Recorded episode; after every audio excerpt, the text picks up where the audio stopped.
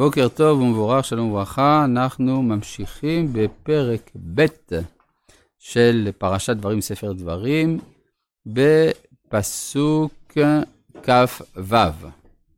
ואשלח מלאכים ממדבר קדמות אל סיחון מלך חשבון דברי שלום לאמור. אז זה למדנו שיש לכאורה סתירה בין הנאמר בפסוקים הקודמים, אתגר בו מלחמה, לבין ההתנהגות של משה ששולח מלאכים ממדבר קדמות. התשובה היא שמשה כיוון דעתו לדעת המקום. יש כאן במדרשים שיש מספר מקומות שמשה כיוונה דעתו של משה לדעת המקום.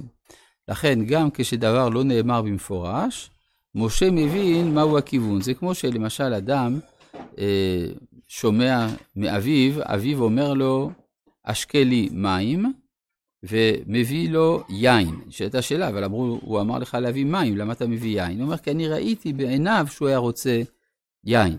אז כך גם אה, משה לומד, מדיני קל וחומר, 13 מידות שהתורה נדרשת בהם, הוא לומד שצריך לשלוח מלאכים, והוא יודע גם כנראה שסיחון לא יסכים לדבר הזה, כמו שכתוב במקום אחר, שהקשה השם את רוחו ואימץ את לבבו. לנעמה נתן, נתן אותו. לפעמים, כן, יש אה, אה, שיקול דעת שאומר שגם כלפי האויב צריך לשלוח אה, דברי שלום, אבל הקדוש ברוך הוא מסדר שבסופו של דבר לא תהיה ברירה אלא להשמידו, תהיה כוונתו של ביידן אשר תהיה. וישלח אה, פסוק כ"ז, העברה בארצך, בדרך בדרך אלך, לא אסור ימין ושמאל, אוכל בכסף תשביריני ואכלתי ומים בכסף תני ושתיתי, רק אעברה ברגלי. כאשר עשו לי בני עשיו היושבים בשעיר והמואבים היושבים בער, עד אשר אעבור את הירדן אל הארץ אשר השם אלוהינו נתן לנו. כלומר, באופן, אה, אם בעצם אה, סיחון היה אה, רוצה, אז בעצם עם ישראל היה כובש את ארץ כנען, ולא את ארץ סיחון. עכשיו, למה? בפרשת לך לך כתוב שיש אה, שתי בריתות על הארץ. ברית אחת, שהיא ברית בין הבתרים, והשנייה, הברית על המילה. בשתיהם יש הבטחה על הארץ. רק שבברית בין הבתרים, ההיקף של הארץ הוא מנהר מצרים ועד נהר פרת, וזה כולל את הרפאים, כלומר את עבר הירדן המזרחי. ואילו בפרק י"ז, שם יש על ברית המילה, רק ארץ כנען היא המובטחת. מזה אנחנו מבינים שיש כיבוש מודולרי. אפשר שנכבוש רק את ארץ כנען, ואפשר שנכבוש את כל הארץ, הנקראת הארץ הזאת. במה זה תלוי? התורה אומרת בפרשת שופטים, כי תשמור לעשות את כל דברי התורה הזאת. כלומר, ככל שאנחנו אה, יותר נאמנים לברית של הקדוש ברוך הוא איתנו, כך גם המרחב של הברית גדול יותר.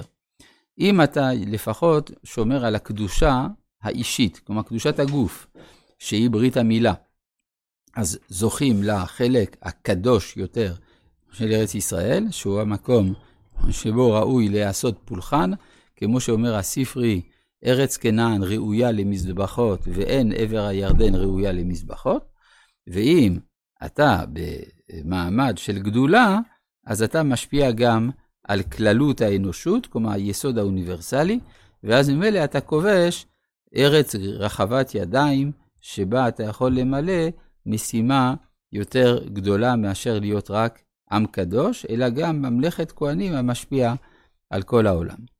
אז זה, אה, זה בעצם בדיוק מה שנבחן כאן עם סיחון. והפסוק ל' אומר, ולא אהבה סיחון מלך חשבון, העבירנו בו.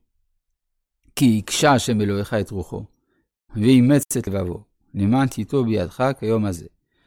שואל הרמב"ם, בשם כאלה שהקשו עוד לפניו, איך יכול להיות שהקדוש ברוך הוא אה, נטל מסיחון את הבחירה החופשית, והוא גם בעצם מעניש אותו על זה שהוא לא מעביר את בני ישראל. לכאורה לא הייתה לו ברירה.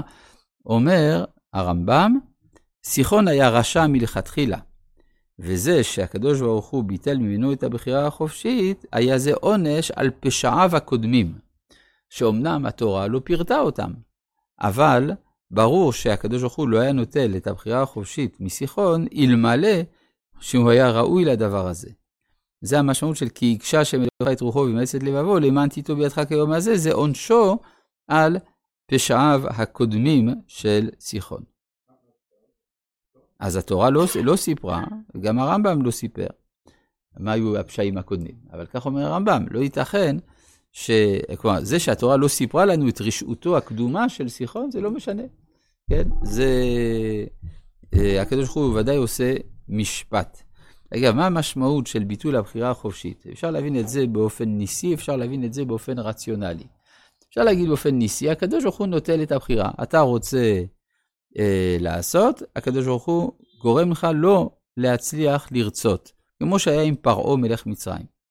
אפשרות שנייה היא לומר שביטול הבחירה החופשית זה מעין פעולת ההתמכרות, שכאשר האדם בהתחלה ברצונו החופשי עושה מעשה, אבל אחר כך הוא כבר לא יכול להשתחרר מן העשייה של המעשה, מתבטלת בחירתו, כמו שמצאנו אכן בפעולה של ההתמכרות. אז זה מה שהוא אומר גם אה, פה, הקשה השם אלוהיך את רוחו וימס לבוא למען תיטו בידך כיום הזה, ויאמר השם אלי, ראה, אכילותי תת לפניך,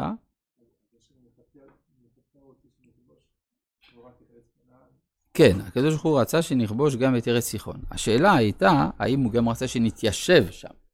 כן, הרי בני גד ובני ראובן מפתיעים את משה אחרי כיבוש סיחון. ואומרים, אנחנו רוצים לגור שם. ואז משה אומר, מה פתאום? אז מה בעצם משה חשב שיקרה? הוא חשב שארץ סיחון תהיה ארץ ריקה, שתהווה מעין רצועת ביטחון מסביב לארץ כנען. זה מה שהוא חשב. ואז היה יוצא, כפי שציינו כמה פעמים, שעם ישראל היה לגמרי מבודד, כי ממערב יש לו ים, מדרום מדבר, מצפון יער, הלבנון, וממזרח ארץ ריקה מתושבים, ואז יוצא שעם ישראל לגמרי אה, לבדד ישכון. לעומת זה, ברגע שאתה אה, נותן נחלה לבני גד ראובן וחצי שבט מנשה, אז יש מגע עם ארצות מואב, עמון, ארם. זאת אומרת, יש כבר מגע, יש גשר בין ישראל לעמים. גשר בין ישראל לעמים, יש זהות כזאת, זהות הגר. גר, ראשי תיבות, גד ראובן. כן? כלומר, אה, גם גר, ג' ראשונות, בקבלה, כלומר, זה מראה על מדרגת חיים יותר גבוהה. אה, אז לכן הקדוש ברוך הוא רצה שנכבוש את ארץ סיחון. השאלה היא מה לעשות בה, על זה הנסיבות הכריעו, שבני גד ובני ראובן שם.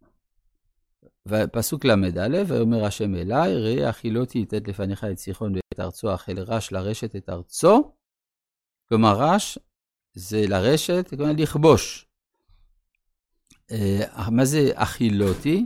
אכילותי זה לא רק על ארץ סיחון, זה על כל ארץ ישראל. כלומר, זו הפעם הראשונה שיש כיבוש ממשי, טריטוריאלי של עם ישראל, ובעצם אפשר לומר, המדינה הראשונה שהוקמה על ידי בני ישראל הייתה ממלכת, הייתה נחלת גד וראובן. זה מה שמפתיע כאן, אבל זאת המציאות. ויצא סיחון, אז זה בעצם מה שרצו בזמנו, כשאחת ההצעות של הבריטים להרצל, עליו השלום, זה היה לתת לו את צפון סיני. הרעיון היה לתת צפון סיני כהתחלה, ואחר כך תכבשו את ארץ ישראל. כן, זה באותם הימים גם אה, ארץ ישראל הייתה בידי הטורקים, סיני הייתה בידי הבריטים. אז גם פה אותו רעיון, מתחילים עם ארץ סיחון, ממשיכים לארץ כנען. ויצא סיחון לקראתנו, הוא וכל עמו למלחמה יחצה, ויתנהו השם אלוהינו לפנינו, ונח אותו ואת בניו ואת כל עמו, ונלכוד את כל ערב בעת ההיא, ונחם כל עיר מתים ואנשים ועטף לא השארנו שריד.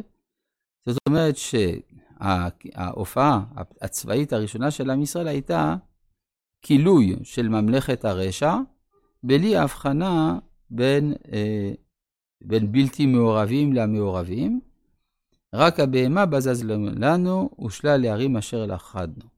מהרוער, עכשיו, כל הביטויים האלה של משה נאמרים לעם שעשה את זה לפני כמה חודשים. כלומר, הנאום של משה מתרחש כארבעה חודשים אחרי כיבוש סיחון. כלומר, זה לגמרי טרי בזיכרון הלאומי.